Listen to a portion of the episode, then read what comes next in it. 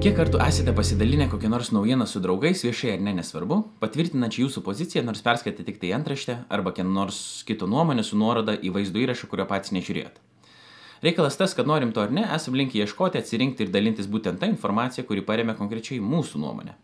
Tai vadinama patvirtinimo šališkumu arba angliškai confirmation bias. Bėda ta, kad beveik bet kokiu klausimu manančių bus ir vienaip, ir visiškai priešingai neprieštaravimo dėsnis mums sako, kad ir kažkaip ir visiškai priešingai būti negali, tad kažkurioje pusėje slypi klaida. Tiesa, prodžius, kad klaida yra mūsų mąstymė, jos pripažinti neipatingai norim. Tai nieko keisto, mat konkretus įstikinimas gali būti mums brangus ir susiformavęs būtent toks dėl daugelio priežasčių. Tad asmo, turėdamas tvirtą nuomonę, kad skiepų nuo COVID nauda ženkliai atsveria potencialią žalą, rinksis, dalinsis ir cituos vienus šaltinius, o manantis, kad COVID skiepų žala yra daug didesnė nei potenciali nauda, kitus. Kalbant apie religinės diskusijas, ką čia ir bandom daryti, ateistas klausydamas ateisto ir krikščionio diskusijos tikėtina lauks pirmojo pergalės, o krikščionis krikščionio. Abu ieškodami paramos savo įsitikinimams ir pro akis praleisdami priešingus argumentus. Abu būdami tvirtai įsitikinę savo supratimu, galbūt net manys, kad kitas yra durnas, ar dar blogiau, piktavalis. Taip žinoma gali būti, yra ir durnų, ir piktavalių, bet klausimas iš tiesų turėtų būti susijęs ne tiek su žmonių intelektu ir morale, kiek su pozicijos klaidingumu ar teisingumu. Ir ar mums įdomu įsiaiškinti.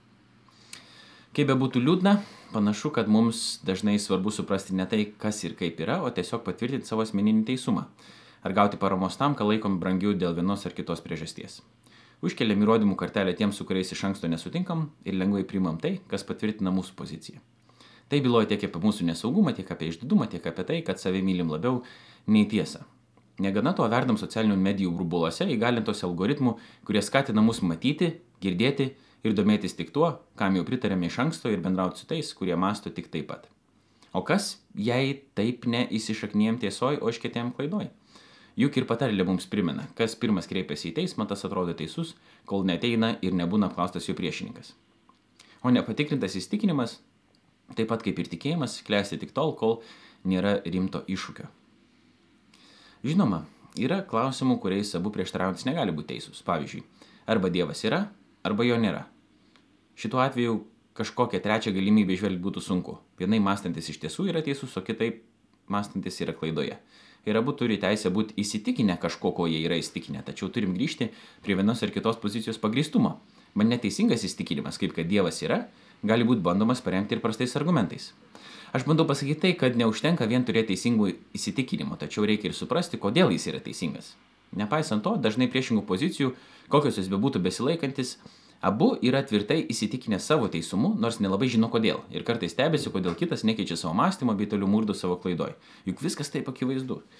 Na, kas yra iš tikrųjų akivaizdu, tai tai, kad toli gražu ne visi dalykai yra akivaizdus, o konkrečiam žmogaus įsitikinimui, įsitikinimui paaiškinti priežasčių gali būti įvairiausių, nuo psichologinių, ketinių, patirtinių ir griežtai intelektualinių. Tad kiekvienam iš mūsų tenka savo užduoti tokį klausimą, įklystų, ar nori žinoti ir ar sugebu suprasti, ką sako kitas, ar tik aklai prieštarauti. Juk kitoje vietoje parašyta visa širdimi pasitikėk viešpačiu ir nesiremk vien savo išvalgą. Tokiu atveju bent jau krikščionims čia galima pagoda, mat tyros, tyros, kiek tai įmanoma Tiesos paieškos visada atves prie to, kuris yra tiesa. Atves tiesa visus, kurie ištroški tiesos, o ne saviteisumo. Čia iškyla paskutinė problema. Tiesos paieškose ir įsitvirtinime joje neretai pamirštame meilę kitaip mąstančiam. Ką jau ten meilė, baksnuodami knopkės ant klaviatūros, leidžiam savo pasakyti kartais visiškai nepažįstamam žmogui tokių dalykų ir taip, kaip net mokyklos koridoriui per pertrauką, o čia yra viena iš didžiausios įtampos vietų pasaulyje, kur vyksta kova už buvį, nesam girdėję. Taip nepastebimai patenkame į pavojų ne tik priešintis ir kritikuoti nepatinkančią poziciją, tačiau ir pradėti nekesti to, kuris jos laikos. Turint tai omenyje, mums turėtų būti svarbu ne tik, kuo tikime, bet ir ar mūsų mąstymas yra pagrystas, bei kaip atskirti tiesą nuo klaidos. Arba bent jau kaip iki tiesos pradėti artėti klaidoje nepasiliekant. Visą tai nešienaujant žmonių galvų ir išlaikant pagarbą asmeniui, kiek tai įmanoma. Mat visi sukurti pagal Dievo atvaizdą ir panašumą. Porą minčių apie tai. Pirmiausia, dera suprasti, kad visiškai objektivus stebėtojas tiesiog neegzistuoja. Visų mūsų mąstymas nėra tobulas, visiems įtaką daro aplinka, visi turim vienokį ir kitokių troškimų ir polinkių ir panašiai. Negana to yra ypatingai mažai įsitikinimų, kurių laikytumėmės dėl griežtai vien intelektualinių priežasčių. Tik tai atpažinę galime artėti prie tiesos, o diskusijos išvengti asmeniškumo bei adominiam kaltinimų, kurie niekaip nesusijęs su pozicijos klaidingumu ar teisumu, bet yra nukreipti į jos besilaikantį asmenį. Suprasdami, kad nesame objektivumo karaliai ir karalienės ir nuolankiai prieėmė savo ribas, galim pradėti kilti link tiesos. Antra, svarstant pozicijos pagristumą, tenka pasistengti atriboti, nuo, uh, pasistengti atriboti ją nuo jos besilaikančio asmens. Net didžiausias šiknius, sakydamas, kad 2 kart 2 yra 4, yra teisus. Ir nedoriausias žmogus pasaulyje, galvodamas, kad kepinėlių paštetas yra skanus patiekalas, klysta. Mintį supratot.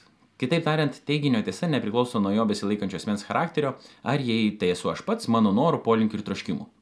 Krikščioniui pasielgų šudinai nereiškia, kad Dievo nėra. Taip pat kaip ir ateistus padarant tą patį, nereiškia, kad Dievas yra. Mūsų elgesys be abejo parodo tam tikrų įsitikinimų autentiškumą ir kiek rimtai mes juos priimam. Tačiau ta pati įsitikinimo turinio tiesa nuo mūsų elgesio nepriklauso.